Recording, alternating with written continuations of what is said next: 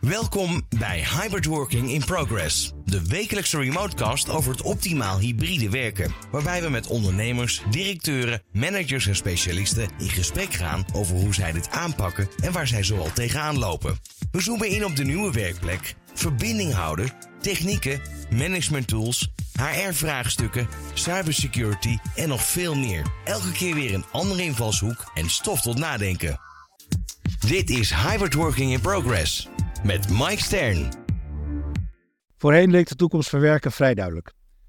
Maar kijk een paar jaar vooruit en de toekomst van werk ziet er totaal anders uit. Kantoren zijn woonkamers geworden en vergaderzalen grotendeels leeg en kantooruren variëren. Het hele concept van werken keerde zichzelf op zijn kop en het lijkt onwaarschijnlijk dat het ooit nog teruggaat naar de situatie van voor de pandemie.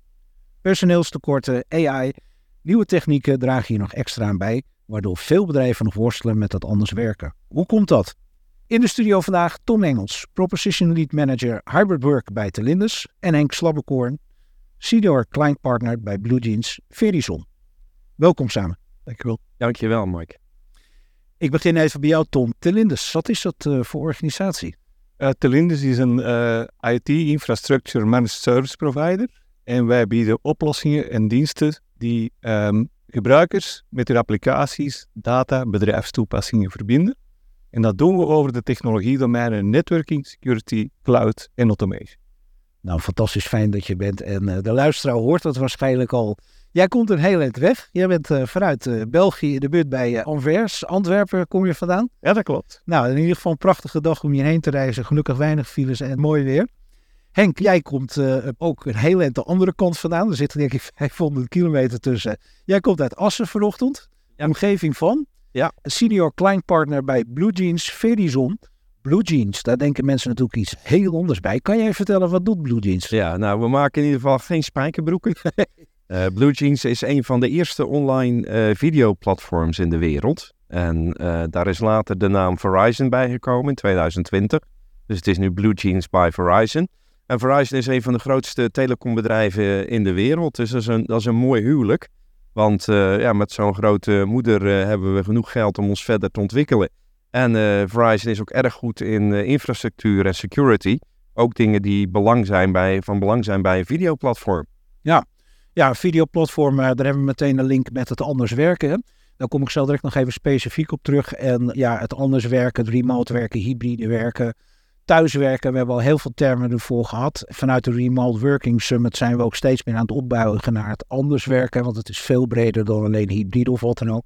Daar heb je met techniek, veiligheid, maar ook de dingen die jij net noemde, Henk, te maken. Als ik even terug ga naar jou, Tom.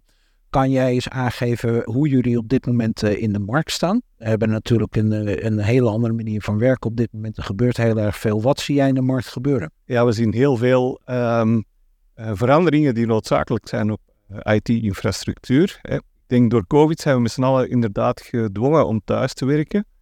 En de eerste pleisters zijn geplakt. Uiteindelijk hebben we allemaal een platform uh, waarmee we remote kunnen werken. De camera's zijn nu wel voorzien en de, eerste of de, de grootste ongemakken zijn opgelost.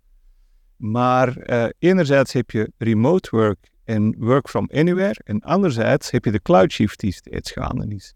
En doordat die twee bewegingen plaatsvinden. Mag ik jij even onderbreken voor de luisteraar die misschien niet helemaal goed ingevoerd is? De cloud shift. Kan je dat heel even toelichten? Ja, we zijn met z'n allen steeds meer gebruik gaan maken van cloud toepassingen, software as a service. Ik geef een paar voorbeelden: Microsoft uh, Office 365, uh, Salesforce, Workday voor HR. Het zijn allemaal software as a service toepassingen.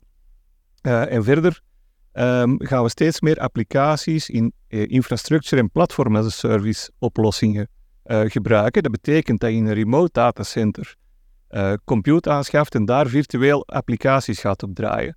Maar wat dat eigenlijk tot gevolg heeft in combinatie met die cloud shift, uh, in, in, combinatie met remote work, is dat die gebruiker en die applicatie gescheiden zijn van elkaar. En dat heeft zo zijn uitdagingen op het gebied van security en op het gebied van business continuïteit. Ja, want als we bijvoorbeeld naar security kijken, Hè, daar heb je veel gehoord, met name op met het remote werken, dat het wat ooit allemaal in één pand zat, om het maar heel simplistisch te zeggen. Dat is een soort gatenkaas geworden. Zeker. En daar ligt natuurlijk een enorme uitdaging voor bedrijven. Zeker, zeker. Um, vroeger hadden we een Fort-model. Kantoor was, was het Fort. En als ja. je binnenkwam, had je alle, alle applicaties, toepassingen ter beschikking. Uh, de data stond in de kelder. Um, en uh, het netwerk voorzag uh, van de nodige connectiviteit van die gebruikerswerkplek in het pand naar die data in de kelder of het eigen datacenter, zeg maar. Dat is helemaal veranderd. Als je dan in de cloud werkt, hè, dan, dan zou je zeggen, die cloud die is men in staat om die voldoende te beveiligen. Dan uh, moet ik dan stellen dat de grootste onveilige factor tussen het beeldscherm en de bureaustoel zit. Of is dat wat te simplistisch? Dat is wat te simplistisch, denk ik. Um, nou, hij stelt de vraag ook natuurlijk. ja, ja. ja. Um, die cloud, eigenlijk moet je, als je gebruik maakt van data, heb je de toegang tot de data. Dus je eigen connectiviteit naar het netwerk. Vervolgens ga je het, ga, gaat je connectiviteit over het publieke domein. Je maakt gebruik van een service provider, van een uh, glasvezelnetwerk, van uh, commercieel internet of uh, een bedrijfsverbinding. En dan vervolgens heb je data die uh, opgeslagen wordt, dat noemen we at rest. Die moet beveiligd zijn. En je hebt data in use op een computerplatform. En ook daar moet je maatregelen treffen om dat veilig te laten uh, gebeuren. Daar is nog een hoop te doen. Daar kom ik zo even bij terug, Tom. Even naar Henk terug. Blue Jeans by Verizon. je zei net, wij hebben het uh, grootste en nieuwste platform als het gaat om online meetings, events. Zeg ik dat goed? Ja, ik, ik, weet niet of wij het grootste hebben, maar uh, we hebben hier een, een, van, een van de eerste. Ah, ja. En inderdaad een, een heel modern. En je ziet inderdaad dat er steeds meer een, een, een shift, een ombuiging komt. Dat uh, mensen hebben hun meetings nu wel geregeld. En nou, dan gaan ze kijken hoe kunnen we nog meer ervoor zorgen dat mensen die op afstand werken toch betrokken blijven bij de organisatie. En natuurlijk doen ze dat ook door inderdaad, jij gaf net als voorbeeld, gebruik het kantoor als, als ontmoetingsplaats, als een soort van woonkamer. Maar het feit is ook dat heel veel mensen op afstand uh, werken. Of in een wereldwijde organisatie ergens in een vestiging zitten. En dan is het toch steeds meer van belang dat organisaties willen graag dat mensen dat wijgevoel uh, hebben. En uh, ja, dat is, dat is best lastig met alleen meetings. Want dan zit je met z'n allen naar een hele rij uh, gezichten te kijken. En er is al sprake zelfs van meetingsmoeheid. Dus hoe ga je dan als organisatie ervoor zorgen dat die meetings spannend zijn, dat er interactiviteit is, dat mensen zich engaged voelen, dat mensen zich betrokken voelen en niet een, een, een klein gezichtje in een heel groot scherm. En daar komen wij met events om de hoek kijken. Ja, en als je dat dan zo hoort heeft voor de luisteraar, want we kennen natuurlijk allemaal het beeldscherm met uh, 15, 20 vlakjes erop met poppetjes. Kan jij even uh, voor de luisteraar wat meer schetsen van waar je dan aan moet denken? Nou ja, zo'n event, uh, dan praat je dus over een, uh, een, een, een beeldscherm waar steeds wisselende beelden op te zien zijn, waarbij je uh, video's kunt, uh, kunt laden, waarbij je presentaties kunt afwisselen, waarbij je meerdere schermen tegelijk met uh, mensen kunt delen. En dan is het een andere manier van werken. Je werkt dan met een moderator en die is eigenlijk een soort van regisseur van een live uitzending. Dus dat betekent dat dat een heel andere dynamiek krijgt en, en dat mensen dus veel meer te zien krijgen, zelf interactief kunnen reageren met polls, met chat. Zo'n moderator kan als, als regisseur weer iets wat hij interessant vindt uit de chat zo op dat scherm uh, gooien. En het leuke is, uh, we hebben die software zo ingericht dat klanten dat eigenlijk helemaal zelf nou, fantastisch.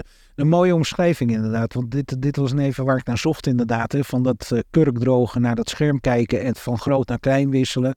Dat je eigenlijk meer op een, misschien zeg ik het wat simplistisch, maar meer entertainment biedt waardoor het gewoon leuker en interactiever wordt en mensen beter bij een meeting, event of vergadering blijven. Ja, want dat willen ze uiteindelijk. En, en het leuke is ook dat je, normaal praten wij in onze business met IT-managers, maar nu zit je ineens met een HR-manager, een communicatiemanager of een marketingmanager aan tafel. Geeft ook weer een heel andere uh, dynamiek.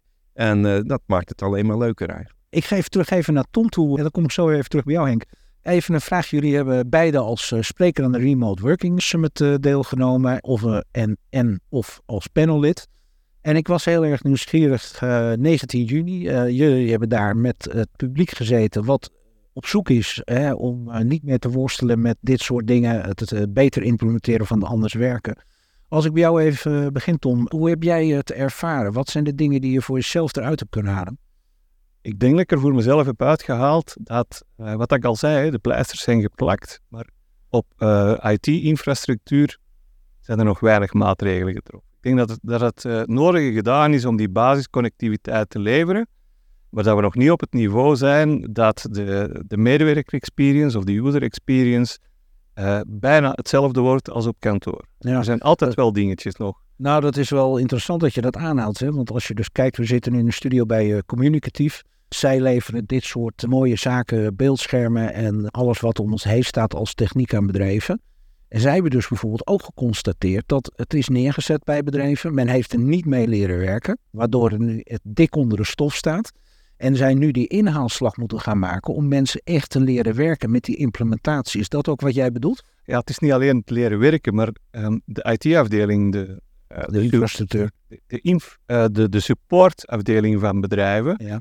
Die is natuurlijk ingericht om dat kantoorpand onderhouden. Maar je moet je voorstellen, die medewerkers zitten overal, remote, en die maken verbinding naar het bedrijf en naar cloud-applicaties. En vervolgens belt die medewerker en die zegt, ehm, ja, mijn camera eh, werkt niet of eh, het beeld hapert.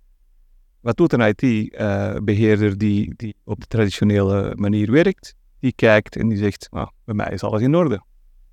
Office 365 doet het.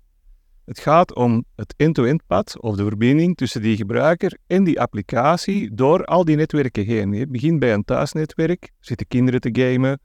Ehm, daar zijn security risico's, want thuisnetwerken zijn vaak niet zo veilig als een kantoornetwerk. Vervolgens ga je over een service provider netwerk die voor jou de verbinding regelt richting kantoor en eh, de cloud.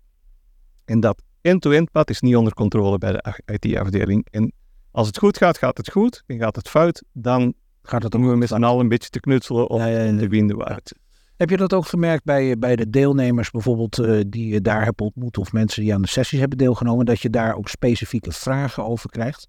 Ja, kijk, wat wij, wat wij eigenlijk gedaan hebben, is de journey van een medewerker eh, in beeld gebracht. Dus je begint thuis te werken, vervolgens ga je op weg naar kantoor. Onderweg doe je al een Teams-call. Ehm, of, eh, of je stopt onderweg om je auto op te laden. Vervolgens ga je daar een verbinding maken. Eh, 's smiddags ga je naar een koffiebar. Zet je PC even aan. En uiteindelijk kom je op kantoor. En al die, al die eh, verschillende plekken waar die medewerker werkt, hebben, heeft andere uitdagingen met betrekking tot security, met betrekking tot ehm, controle van eh support desks en IT. Ja, ja, duidelijk. Henk, eh, even terugkomend bij jou. Hè? Als je kijkt naar de contacten die je tijdens de summit hebt gehad en ook eh, vanuit de presentatie die je verzorgd hebt. Wat zijn signalen die jij opgepikt hebt? En dat is met name ook even op het gebied wat jullie faciliteren, zeg maar. Ja, wat, ik- wat ik wel opvallend vond, is de, de enorme verschillen tussen bedrijven en instellingen waar ze staan. Ik constateer ook inderdaad dat eh, vaak Met de instellingen bedoel je gemeentes? gemeen, overheden, noem Ja, maar op. eh, ehm, bedrijven hebben natuurlijk vaak door COVID heel snel geïnvesteerd in, in met name hardware. en eventueel wat uitbreidingen van de verbindingen. Maar ik, ik denk zelfs, en, en dan heb ik het nog niet eens over eh, security en de, en de dingen die Tom aankaart, dat daar nog een stap vooraf gaat. En dat is namelijk je, je hele strategie. Wat voor strategie heb jij om te communiceren, om samen te werken eh, bij het anders werken? Ehm, dat is iets wat op, eigenlijk eerst op directieniveau moet worden be- be- bepaald en niet van een IT-afdeling kan afhangen. Die zit daar ook helemaal niet op te wachten om die strategie te bepalen. Die wil faciliteren. Dan behaal je een belangrijk punt aan, Henk. Want ik denk ook, en misschien hebben jullie dat ook gemerkt in de markt, maar misschien ook eh, tijdens de summit, dat die managementlaag best wel heel veel moeite heeft om op boardroomniveau dingen door te drukken, te laten bezinken, in werking te krijgen. Is dat herkenbaar voor jullie? Zeker. Ze, ze moeten ook leren om te gaan samenwerken onderling. Dat klinkt misschien heel raar, maar voorheen hè, besliste IT-management, die hadden ook het budget. Maar nu gaat het bijvoorbeeld over, eh, wat ik eh, al als, als voorbeeld ook gaf, de interne communicatie met alle medewerkers die nu eh, overal werken.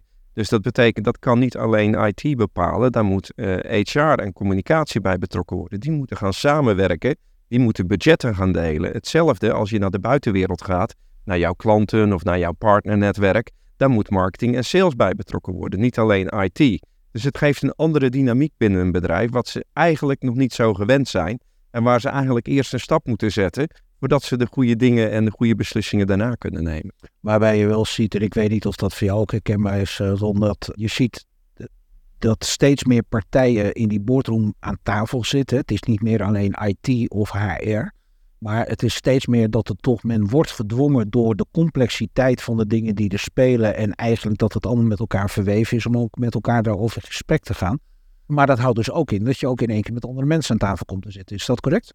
Jazeker. Ik, ehm, zoals jij al zei, ehm, vroeger was het de IT-afdeling die uh, keeping the lights on deed en zorgde dat, dat dat pand goed werkt. Maar het gaat er nu ook om, hoe gaan we met elkaar om? Um, wat is de functie van ons kantoor? Wordt het een clubhuis? Doen we er creatieve dingen? Werken we thuis dingen uit waar concentratiewerk um, voor uh, vereist is? En Um, dat is allemaal geen probleem als je dat op individuele basis beslist, want uiteindelijk doe je je werk wel, maar in de samenwerking, daar zit de uitdaging. En op IT-vlak, als je kijkt naar um, uh, samen, remote werken en uh, camera's voor thuis en conference tools, die zijn wel voorzien. Het wordt al wel een uitdaging als er een deel van het publiek in het kantoor zit, in een vergaderzaal en een deel buiten. Daar ontstaat ook steeds meer frictie. Hè? Waarom zitten wij hier op het kantoor en zitten sommige mensen thuis? Zeker. En maar jij bedoelt het waarschijnlijk ook technisch. Ook op technisch vlak. Hè. Camera doet het niet, geluid komt niet door. Er wordt een video gedeeld, die wordt wel uh, gedeeld in, in de meetingroom, maar die gaat niet over de conference tool. En dat zijn de dingen waar we nu nog tegenaan lopen. Kom ik even bij jou Henk, want jullie hebben een hele mooie tool. Maar dan kan ik me voorstellen, als men thuis uh, zit te hakken met uh, spullen die niet goed zijn, dan komt het ook niet goed uit de verf, hè? Ik, ik heb ook in, in de video hardware gezeten. En een van mijn stokpaardjes daar was, luister eens jongens, we kunnen heel veel geld investeren in, in de boardrooms om die prachtige schermen neer te zetten en het nieuwste van het nieuwste. En dan uh, is er uiteindelijk een town hall waarbij uh, de directie praat met alle medewerkers. En dan hoor je zo'n directeur achteraf zeggen: Ja, maar het zag er veel mooier uit toen ik kocht. Waarbij hij geen rekening mee houdt dat al die schermen die hij ziet, dat zijn van de mensen thuis. En die zitten achter een laptop. En de gemiddelde laptop heeft nou eenmaal een gammele camera, die heeft gammel geluid. Dus als je zo'n boardroom inricht en je gaat veel communiceren met je mensen thuis, dan moet je zorgen dat zij ook goede spullen meekrijgen. Dus uh, we hebben in Nederland het geluk dat we meestal nu wel hele goede verbindingen hebben. Bijna iedereen kan uh, glasvezel thuis krijgen of, of breedbandkabel.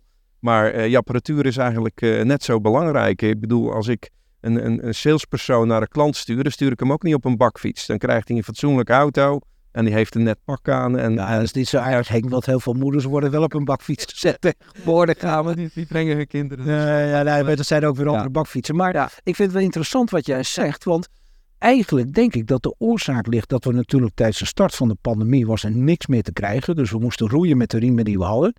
En volgens mij is die inhaalslag nooit meer gemaakt van we gaan nu zorgen dat iedereen ook gewoon degelijke apparatuur thuis krijgt. Uh, het, heeft natuurlijk nogal wat geld gekost. En uh, zeker in het begin van COVID was iedereen een beetje paniek. En men dacht niet eens na over welk platform ga ik gebruiken. Ze wilden gewoon hardware hebben dat ze konden communiceren. Met als gevolg dat mensen hardware hebben gekocht en, en dat praat vaak niet helemaal goed meer met elkaar als ze daarna een platform hebben gekozen. En ja, dan is het best een investering om na één of twee of drie jaar hardware die je normaal over zeven of acht jaar afschrijft, weer te gaan vervangen. Dus moeten ze gaan kijken, hoe ga ik dan uh, daar toch gebruik van maken. Maar ook daar hebben bedrijven, bijvoorbeeld zoals wij, en we werken veel samen met, uh, met Microsoft. Dus in plaats van concurrenten zijn we tegenwoordig ook co collega's, zeg maar. En we hebben bijvoorbeeld oplossingen dat mensen, zeg maar, die apparatuur die niet met, ik geef als voorbeeld, Teams praat, dat we daar een poort kunnen leveren, dat het toch allemaal Teams gaat praten, zonder dat ze direct weer in die, uh, in die dure hardware uh, moeten, uh, moeten investeren. Maar niet elk bedrijf weet dat, dus dat is ook iets van dat we dat over de bühne moeten brengen. Heb ik het dan juist, denk dat als je zegt van met een goede headset en een externe camera ben je al een heel eind op weg? Of gaat het verder? Nee, daar ben je al een heel eind op weg. Maar als we dan hebben ook over kantoren die met elkaar praten en laten we zeggen, die hardware is niet allemaal geschikt voor één en hetzelfde platform. Ja, dan moet je nog wel even gaan, gaan kijken wat je kunt doen. En uh, het is echt niet zo dat je dan in één keer wel die apparatuur hoeft uh, af te schrijven en nieuwe apparatuur hoeft te kopen. Daar zijn tegenwoordig ook. Ja. Eventjes in het kader zoals wij nu aan tafel zitten, want uh, jullie hebben dan een bijdrage geleverd aan de Remote Working Summit eigenlijk twee disciplines die ik zie. Ik zie cloud security en ik zie verbinding houden en uh, het optimaliseren van in verbinding blijven met elkaar. Als je nou kijkt naar de summit, jullie hebben daar mensen voor jullie gehad, jullie zijn in gesprek geweest daar met mensen. Zijn er nou specifieke dingen waarvan je zegt van hé, hey, dat is mij toch wel heel erg op te vallen onder de deelnemers? De, kunnen jullie iets noemen dat je zegt van wat je heel frappant vond of misschien juist heel herkenbaar of niet? Ja, ik denk dat het eh, voor, voor HR uh, mensen het technisch aspect eigenlijk onbekend terrein is. Dat voelt zeer oncomfortabel. Hè? Dus um, ik, ik denk, uh, er wordt beleid uitgestipt twee dagen thuis werken, drie dagen op kantoor of, of iets anders. Hè. Eh, dat is wat een HR-afdeling doet, maar ik denk dat het besef dat die IT-infrastructuur, die connectiviteit, die beschikbaarheid, dat, dat, dat wordt, ja, ik zou zeggen water uit de kraan, ik zou bijna champagne uit de kraan willen noemen.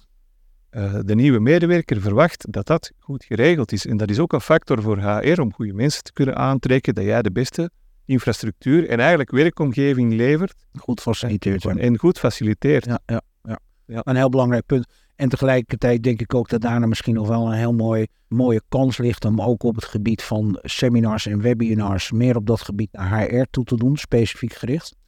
Henk, als ik naar jou even kijk, eh, heb jij dingen die je eruit hebt kunnen pikken dat je zegt van hé, hey, dat was voor mij toch wel een opsteker? Ja, nou ook, ook wel dat HR-aspect. Wij zijn bijvoorbeeld zelf met onze events uh, destijds de boer opgegaan richting marketing en communicatiemensen. Maar uh, ook door COVID, ook door zeg maar dat, dat anders werken, lijkt nu toch de HR-manager een belangrijk contactpersoon voor ons te zijn. Want ja, die heeft als taak om die medewerkers gemotiveerd te houden, om de medewerkers binnen te houden, om nieuwe medewerkers te faciliteren. En eh, laat ik mezelf als voorbeeld uh, uh, nemen. Ik heb een verhaal verteld op de Remote Working Summit. Dat ik van 80.000 kilometer per jaar in de auto naar 20.000 kilometer ben gegaan. Dat is mede te danken aan de faciliteiten die ik kreeg. En hebben natuurlijk ons eigen videoplatform. Maar dan is het altijd nog wel practice what you preach. Nou, dat kon gelukkig. Mijn hele opleiding intern is, is online gegaan. in, in plaats van dat ik vier keer van de vier bezoeken bij een klant langs ga, ga ik nu nog één keer langs en drie keer doe ik het online. Dat kan alleen als die zaken goed geregeld zijn. Dus zowel aan de herkant voor je opleiding uh, enzovoorts, als aan de, de zakelijke kant voor je communicatie met de buitenwereld. Ja.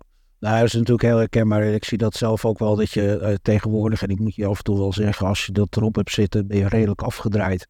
Maar je bent in staat om gewoon acht gesprekken per dag te voeren. Tegen als je normaal ergens heen zou moeten gaan mag je blij zijn als je de drie op de teller weet te zetten. Dus dat is een enorme mooie ontwikkeling. Goed voor het milieu, goed voor de files. Uh, uh, een stuk efficiëntie en kostenbesparing wat erbij komt kijken. Brengt mij wel meteen een paar punten, want we hebben het over anders werken. Wat jullie doen is ontzettend interessant en belangrijk. En ik denk ook als je, je de, we hebben het net even gehad, die HR-manager, die speelt een hele belangrijke rol. Maakt het ook heel erg complex, hè? want ja, die HR-manager die is inmiddels bij iedereen in het vizier. Dus die deur die zit overal potdicht en uh, stuur maar wat naar info uh, en dan nog wat. Um, dat maakt het wel erg lastig. Dat is, was ook een van de redenen om het summit te organiseren, om die doelgroep te bereiken en met hen in contact te blijven. Als je over al dit soort dingen praat, dan zitten we eigenlijk, als ik naar jullie goed luister, dan moet er nog heel veel gebeuren. Je hebt echt wel een hele grote implementatieslag die gemaakt moet worden houdt in dat het, uh, het, het middelmanagement, wat om dit in werking te zetten, heel erg belangrijk is. Maar je moet ook bij die boardroom terechtkomen. Dat is best wel lastig, want je ziet die boardroom die zit anders in het verhaal. Hè? Die wil iedereen terug naar het kantoor toe hebben. Hoe gaan jullie met die uitdaging om? Wat voor tools reiken jullie aan het middelmanagement aan? Om inderdaad een andere gedachtegang tot weeg te brengen of dingen in werking te krijgen Henk, heb jij een idee? Ja, wij zijn uh, samen met uh, Verizon, maar zeker ook Blue Jeans zelf, een van de partijen die samenwerkt met grote adviesbureaus als Gartner. De, veel grotere bedrijven met name, die kijken toch naar dat soort partijen. Wat zien die voor trends? Wat, wat raden die aan om, om naar te kijken en om om te gaan? Dus daar werken we heel veel mee samen. Wij gebruiken ook de gezamenlijke onderzoeken die er zijn om aan bedrijven te laten zien. Want een boord wil gewoon die wil cijfers zien. Hè? Die, die, kunnen allerlei leuke ideeën komen. Maar aan het eind van de dag willen ze zien uh, wat gaat het me kosten, wat gaat het me opleveren. Dus dat, dat is één manier. En dan moet ik me daarbij voorstellen dat als zij dan een go krijgen, dat zij zeggen, we hebben ook een partner die er heel goed in kan faciliteren. En dan komen jullie naar voren toe. Ja, ja. Nou, Werkt dat uh, bij jullie ook zo top? Ja, um, wat, wij werken met Gartner en Gartner is, is heel belangrijk voor ons om de strategie te bepalen waar gaat het naartoe met het netwerk? En het grappige is, Gartner heeft um, vijf jaar geleden, eigenlijk een, uh, nee, vier jaar geleden, uh, SASI geïntroduceerd. Secure Access Service Edge noemt dat. En dat is eigenlijk een combinatie van altijd beschikbare connectiviteit en security. En Gartner had al voorspellingen dat in 2025 80% van de bedrijven een expliciete SASI-strategie zou hebben. Wat doen wij nu? Wij leggen uit en wij maken eh, content en presentaties. We bezoeken onze klanten waarin dat we vertellen welke bewegingen zien we in de markt en wat zijn daar de oplossingen voor. En dat wordt ondersteund door Gartner. Want jullie werken alle twee met Gartner, begrijp ik dus. Ja, ja, ja, Gartner is gewoon een van de grootste bureaus op het gebied uh, ter wereld. En zij zijn onafhankelijk. Ja, dus Heel belangrijk. de, met wie Gartner werkt bepalen ze ook mede zelf. Ja, dus je, je, moet wel een trendsetter zijn uh, in de markt of een hele grote partij of een hele goede partij. En ja, ik sluit me aan bij, bij Tom over dat SASI. Um, wij worden nu bijvoorbeeld, uh, komen heel vaak bedrijven tegen. Nou ja, en het is helemaal bekend in West-Europa. Is, is Microsoft Teams is absoluut uh, de marktleider. Omdat Microsoft eenmaal bij iedereen op dat bureaublad zit. Maar vaak hebben bedrijven dan totaal niet nagedacht wat er gebeurt als het Azure-platform van Microsoft er een keer uit ligt. Want dat gebeurt en iedereen is afhankelijk van, uh, van de teamsvergaderingen. En dan ineens kan je hele bedrijf niet meer samenwerken. Nou, we hebben bijvoorbeeld bedacht, wij hebben ook een meetingplatform. Wij gaan niet die strijd met Microsoft aan, want die winnen we niet. Wij gaan met Microsoft samenwerken en wij bieden onze meetings bieden wij aan als een backup voor Microsoft. Oh, dat, dat, als dat platform eruit ligt, kun je gewoon via de client uh, van Microsoft kun je onze meetings opstarten. En ja, dat bespaart bedrijven heel erg veel geld. En op die manier, uh, ja, dit soort dingen wordt cruciaal. Een bedrijf kan het zich niet meer permitteren, nu ze alles online doet, dat het er online uit ligt. Duidelijk. Nou, mooie ontwikkeling. Prachtig. Jij, uh, Ton, je had het net even over een SaaS-strategie. Zeg, zeg ik het? SASI. SASI. Kan je dat eigenlijk voor de luisteraar uitleggen wat Zeker. het is? Zeker. SASI is, de afkorting is Secure Access Service Edge. En eigenlijk, doordat we um, remote zijn gaan werken en in de cloud zijn gaan werken, ontstaan er twee nieuwe edges. De User Edge en de Cloud Edge. En wat, wat biedt het SASI-framework? Dat is eigenlijk uh, connectiviteitstechnologie die ervoor zorgt dat je veilig verbindt, dat je application aware verbindt. Dat wil zeggen dat je voor, voorrang kan geven aan de bedrijfskritische applicaties. Zeg maar YouTube, uh, filmpjes kijken is niet zo belangrijk als je teams in de lucht houden. En anderzijds heb je cloud-delivered security. En waarom is dat nu belangrijk? Toen wij allemaal thuis gingen werken, en stel je bent sales, je, wat zijn je primaire applicaties? Uh, Microsoft Office 365 en Salesforce. We houden het even simpel, zijn er twee. Jij kon gerust drie maanden je werk doen zonder met bedrijf te verbinden met je VPN. Want die cloud-toepassingen die zijn gewoon bereikbaar via het publieke internet. Dat betekent ook dat die IT-afdeling niet meer in controle was van de security, de patches, de updates, etc. Um, wat levert cloud-delivered security? Je kan dat zien als een wasstraat. Alle verkeer gaat door de wasstraat. Je security wordt in de cloud geregeld. En van in de cloud ga je terug naar cloud-toepassingen, naar software as a service toepassingen en ook naar de bedrijfstoepassingen die nog lokaal staan. Dus het, maakt, het, het zorgt ervoor dat je medewerker altijd van een beveiligde verbinding met de juiste security updates gebruik maakt. En dan een andere component van SASI is de altijd beschikbare connectiviteit. Wordt met Software Defined WAN of SD-WAN gedaan. Ik denk dat veel mensen dat een bekende term, uh, voor veel mensen een bekende term is. Software Defined WAN heeft eigenlijk drie eigenschappen. Dus één, um, het is application aware. We geven voorrang aan de primaire applicatie, dat heb ik al verteld. Twee, de data die op het publieke domein gaat, wordt versleuteld, dus is beveiligd. Want data in transit is at risk. Als dat getapt wordt of uh, onderschept wordt, moet ervoor zorgen dat dat versleuteld is. En ten derde, en dat is niet onbelangrijk, je kan verschillende WAN-verbindingen, dus verbindingen naar de cloud, uh, bijvoorbeeld een, een privé-internetverbinding, commerciële internetverbinding, gecombineerd met een 4G-backup, zijn twee verbindingen. Daar kan je tussen schakelen, wat dat maakt als een van de twee wegvalt, dat die connectiviteit er nog steeds is. Het is eigenlijk wel grappig als ik dit hoor, Henk, want dit is voor jullie natuurlijk ook heel erg belangrijk. Ja, absoluut. En uh, we hebben dan het voordeel dat we moederbedrijven hebben die daar ook erg goed in is. Dus meestal is dat voor ons geen omkijken naar. Wij kunnen ons echt wel op, uh, op de applicatie concentreren. Nou ja, maar ik bedoel, als je met andere externe partijen werkt, des te beter iedereen dat natuurlijk heeft ingeregeld. Ja. Des te prettiger het voor jullie is, want je bent natuurlijk ook afhankelijk uiteindelijk weer voor het lijntje wat tussen de externe partij jullie ligt om het ook goed uh, uit te kunnen zetten. Ja, we hebben ook uh, wereldwijde klanten. Dus dan heb je bijvoorbeeld, ik geef een voorbeeld, de klant met uh, vestigingen in China. Nou, van China is bekend dat daar het internet niet altijd even goed werkt, hè, om wat voor reden dan ook. En dan hebben we bijvoorbeeld speciaal met, met uh, een partij in China hebben we een speciale premium access afgesproken. Die kunnen wij dus samen met ons videoplatform, kunnen we die aan klanten die dus vestigingen in China hebben, kunnen we die leveren. Dat ze garantie hebben dat als er iets mis is met het internet na, daar en of dat nu vanuit de overheid is of anderszins, dat wij toch, dat zij toch die kantoren kunnen bereiken met een, met een beveiligde verbinding. Nou, dat soort zaken zijn enorm belangrijk tegenwoordig. Ja, kom ik even op een hele andere vraag in het kader van wat jullie nu verteld hebben. Dus ik denk enerzijds wat ik eruit uh, uit kan halen is dat het, uh, het awareness hè, bij bedrijven van jongens, kijken ze richt het anders in. Ander punt wat ik hoor is uh, de, de, de, de bereikbaarheid hè, van die managementlaag. Van hoe kom je daar en hoe dring je door. Als ik naar dit soort dingen kijk en vervolgens zie, ik weet niet, Tom, jij komt uit Vlaanderen.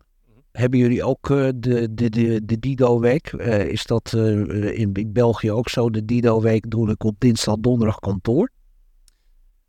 nee, ik werk alleen maar in Nederland, dus ik, ah, ik weet het eigenlijk niet. Nee. Um, Heb je een idee van hoe dat, hoe dat... Ik stel de vraag namelijk om, als je nou met dit soort dingen bezig bent hè, en je, je, het makes sense, hè, dat als je iemand iets dit vertelt, denk je, ja, dat is belangrijk, hè, dat moeten wij inregelen. Toch zie je dat heel veel bedrijven er nog mee worstelen. De wegen staan vol met files, zijn nog nooit zo groot geweest. Dus er zit ergens een kink in de kabel waardoor, je, waardoor dit ergens nog steeds niet goed wordt opgepakt. Hoe komt dat volgens jullie? Ja, ik, ik denk dat dat nog steeds uh, toch de directies van bedrijven zijn. En dat weet ik eigenlijk wel zeker, want ik heb er zelf ook ervaring mee. Um, het was vorige week in het nieuws hè, dat uh, eh, 25% van alle bedrijven inmiddels haar werknemers weer verplicht om volledig op kantoor te werken. Hoewel dat dan, eh, zeg maar, infrastructuur, infrastructuur en werktechnisch ook heel anders zou kunnen, waar we het net al over gehad hebben. Nederland heeft alle faciliteiten, zowel qua infrastructuur, zowel qua cloud, qua alles. Dus dan is het toch, uh, het zit in het management. En uh, ik denk dat dat wel interessant wordt, want het, aan de andere kant is het ook bekend dat de jeugd, nog belangrijker dan salaris of opleidingen, de mogelijkheid om overal te werken is, is tegenwoordig de nummer één wens bij de jeugd. En um, het is al heel moeilijk om aan goed personeel te komen. Dus uiteindelijk denk ik wel dat werkgevers toch gedwongen worden om anders te gaan denken. Want je kunt het niet maken als je nieuw iemand aanneemt, dat die wel thuis mag werken en een van je oudere werknemers niet. Nou ja, sterker nog, Henk, die raakt natuurlijk een punt aan. Hè. Kijk, als je kijkt naar ontwikkeling in de markt. En uh, ja, wie weet wat het uiteindelijk gaat worden, die, uh, die mag aan de bel trekken. Want we zitten allemaal in deze situatie. We lopen allemaal tegen nieuwe dingen aan. Wat wel heel treffend is, als je dit zegt, twee dingen. Eén, ik hoorde laatst van iemand die zei van een grote bank van joh, de boardroom is volledig de binding kwijt met, met de werkvloer en zeker met nieuwe werknemers. Want die zeggen gewoon van joh, prima, maar ik ga hier niet vijf dagen per week in die betonnen bunker zitten met die lampen. Ik ga wel ergens anders heen waar ik beter word gefaciliteerd. Dat is een enorm struikelblok. Maar een mooi voorbeeld is ook als we naar de summit kijken. We zagen op een gegeven moment tijdens de summit was ook wel heel erg mooi weer, maar dat in de namiddag begon het leeg te druppelen. En wij zijn dus na gaan vragen bij mensen. En die zeiden ja, maar maandag is voor mij thuiswerkdag. Ik moet om half vier de kinderen van school halen. Dus je schopt enorm veel omver. Er zijn heel veel mensen buiten de Randstad gaan wonen. Nou, die kan je niet verwachten dat je één keer twee uur in de auto gaat zitten. En ik denk dat je nogal zeker als, als je over personeelstekort praat, dat je een enorm risico aangaat om inderdaad met je vuist op tafel te slaan en te zeggen van zo gaan we het doen. Maar dan kom je bij een heel interessant onderwerp terecht. En dat staat even los van de dingen waar we het er nu toe over gesproken. Want eigenlijk is wat jij zegt, Henk, die 25% dat hoor je ook in het nieuws. Het is en blijft een kwestie van vertrouwen. Men heeft het idee erin dat men thuis niet doet wat hij zou moeten doen, wat men op het kantoor wel doet. Hoe kijk jij er tegenaan? Ja, ik denk dat de cijfers het tegendeel bewijzen. Je doet nog steeds uh, dezelfde business of meer. Uh, met de nieuwe manier van werken. Wat wel zo is, denk ik, is dat we, we hè, bij de 75% waar hybride werken wel gewoon geaccepteerd is, maar nog steeds op dezelfde manier werken. De meeting begint om 9 uur. Ja. Dus medewerkers die kiezen op, um, ik ga op dinsdag uh, naar kantoor, die staan in de file om op tijd op kantoor te zijn, om dan vervolgens deel te nemen aan de hybride meeting. Dus ik denk dat we daar iets moeten doen, dat we meetings tussen 11 en 3 doen. En nou, en dan het punt aan, hè, want daar heb ik dus een discussie in een andere podcast met iemand over gehad. En weet je wat hij zei? Ik zei dus inderdaad van waarom plannen jullie dan niet in dat je om tien uur of om elf uur op kantoor bent en om één uur of om twee uur weer naar huis toe gaat om verder te werken. En toen zei zij tegen mij, ja, maar dan zegt onze directie, dan reis je in onze tijd. Ja, even stilte. En dat was ik ook. Ik denk, het moet niet gekker worden. Maar het betekent dus gewoon, we moeten heel anders gaan denken, anders gaan werken, onszelf opnieuw uitvinden. Zeg ik dat goed? Ja, het is, het is een cultuuromslag. Ja. de technologie is er al. Ja. Dat, hebben wij allebei nu beargumenteerd. Nu moet die cultuur en, en cultuur veranderen doe je niet van de een op de andere dag. Hè. Door COVID moesten we. En je ziet mensen na COVID uh, weer een, eh, een, zucht van verlichting slaken. En we vallen weer in al onze oude fouten. Want ik, ik, ik ben al sinds sinds ik in de telecom werk, ik ben begonnen met het uitrollen van glasvezel.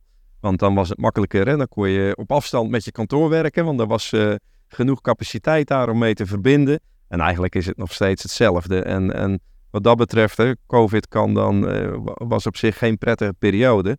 Het heeft wel mensen geleerd dat er echt wel meer kan. En, en nu moet dat nog wel een beetje meer in, in die boardroom uh, doordringen. voordat we de echte stap kunnen maken. En nogmaals, dat is cultuur. Ja, en leeftijd hè? En leeftijd. Want je, wat jij zegt klopt wel, hè? de mens verandert niet graag. Dus je ziet nu ook dat mensen geweldige ingerichte boardrooms hebben en toch weer gewoon met een laptopje open op de oude manier zitten te werken. En ja, dat is mens eigen. We hebben als uh, Franse spreker tijdens het summit ook altijd uh, Jan Magek, stafpsycholoog bij Arbonet. En die zei een van de eerste summits toen al, hij zegt, joh, moet je luisteren, het heeft 10.000 jaar geduurd voordat de slang pootjes kreeg en we hadden een salamander. Dus ga niet verwachten dat mensen in twee jaar volledig veranderen. Maar bottom line is wel, en dat geven jullie wel heel duidelijk aan, dan loop je natuurlijk ook tegenaan. Het, het moet wel bij commitment of management. Zij moeten op een gegeven moment, en daar zie je dat met name het oudere management dat best lastig vindt, want die heeft ook heel veel dingen gemist. Hè? Ook als je kijkt naar hele online ontwikkeling, internet. Daar ligt dus wel een hele belangrijke taak, want bedrijven worstelen hiermee. Als jullie daar nou naar kijken, je zou het management een tip mogen geven, dan heb ik het even op boardroom niveau. Want we hopen natuurlijk dat ze hiernaar luisteren en delen met elkaar. Hè, als slijpsteen voor de geest of als eye-opener. Wat, wat zouden jullie het management mee willen geven als tip? Ik heb wel een goede tip en het is iets wat ik zelf op dit moment ook doe. Uh, nou, je gaf al aan het Remote Working Summit. Uh, het management wat daar naartoe gaat, gaat uitwisselen. En uitwisselen is, is luisteren, leren en inspireren, zeg ik altijd. Dus ik ben zelf heel veel aanwezig bij, ik ben bij een Chief Marketing Officer Summit geweest. Dus de marketingdirectieleden, uh, bij een Chief Financial Officer Summit. Uh, ik kom bij roundtables waar directieleden uh, zijn. En het is niet eens zozeer dat ik daar zeg maar het, het religie verkondig. Maar ik, ik, het mooie is dat mensen daar kunnen leren van elkaar. En die zitten allemaal in hetzelfde schuitje, hebben dezelfde functies, hebben dezelfde uitdagingen. En dan kunnen ze van elkaar leren en geïnspireerd worden. En daarom ben ik daar zelf ook bij aanwezig. Eén, ik leer daar ook van. En twee, dan kan ik ze vervolgens daarbij helpen. Ja, Tom, ga ik even terug naar jou terug. Want er liggen voor uh, bedrijven en organisaties dus enorme grote uitdagingen. Als jij zelf kijkt naar het contact wat jij met, met partijen in de markt hebt, wat zou er volgens jou kort termijn moeten veranderen voor bedrijven zodat zij grotere slagen kunnen maken? Heb je daar een idee over? Ja, ik denk echt dat, je, dat bedrijven moeten beseffen uh, dat IT-infrastructuur structuur en de optimale inrichting daarvan onderdeel van de strategie moet zijn en niet een, uh, een noodzakelijk kwaad. Is het dan niet zo als je dat zegt dat je toch ziet dat het bedrijf of het management op dit moment zoveel op een bordje heeft liggen? het, uh, het zwalkende management, die term heb ik al gehoord. De perfect storm, het schaken op vijf verschillende borden. Bijvoorbeeld, we hebben het over cybersecurity gehad. Dan zou je zeggen, nou dat is toch ontzettend belangrijk. Hè? Dat moet iedereen meteen pakken en zorgen dat men goed inregelt.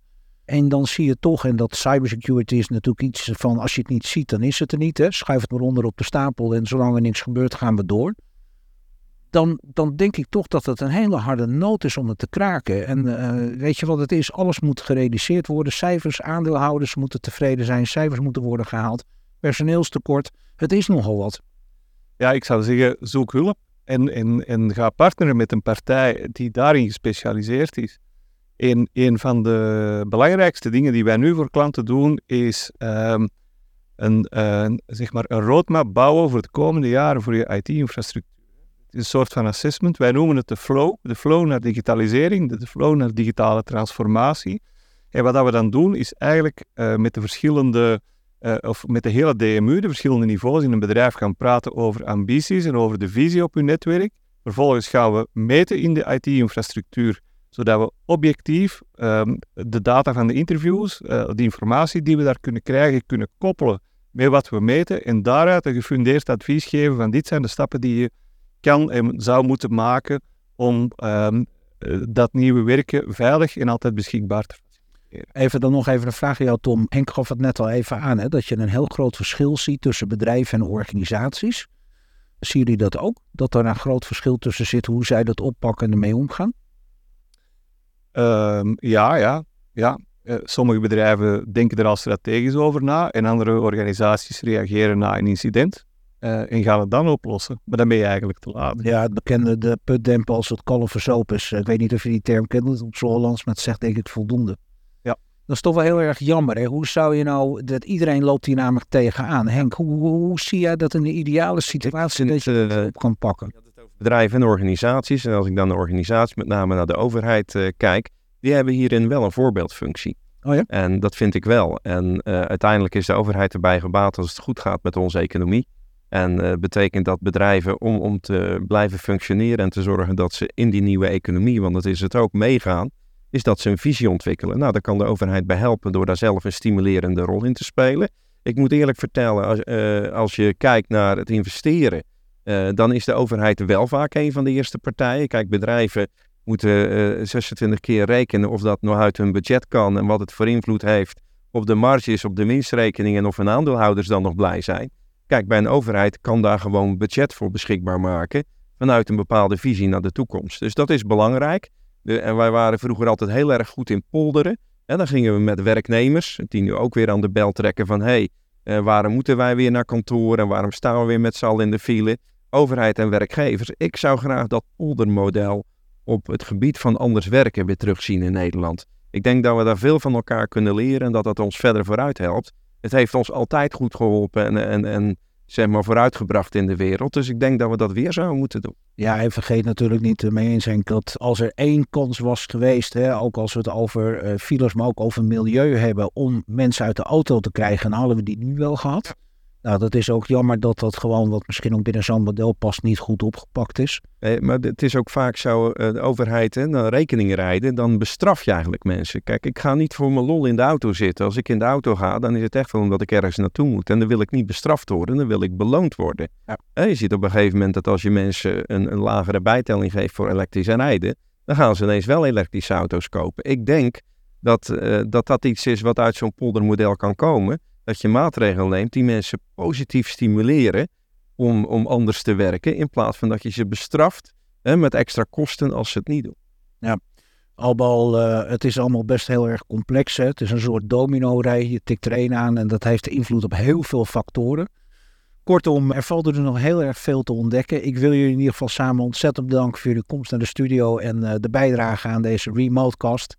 En ik zie jullie graag binnenkort weer terug. Hartelijk dank. Lekker gedaan. Dankjewel, Mike. Leuk dat je weer hebt geluisterd. En volgende week zijn we weer met de nieuwe Remotecast. Heb je een aflevering gemist? Of wil je zelf deelnemen aan onze live events en netwerken? Kijk dan voor meer informatie op remoteworkingsummit.nl. Deze Remotecast wordt mede mogelijk gemaakt door Communicatief.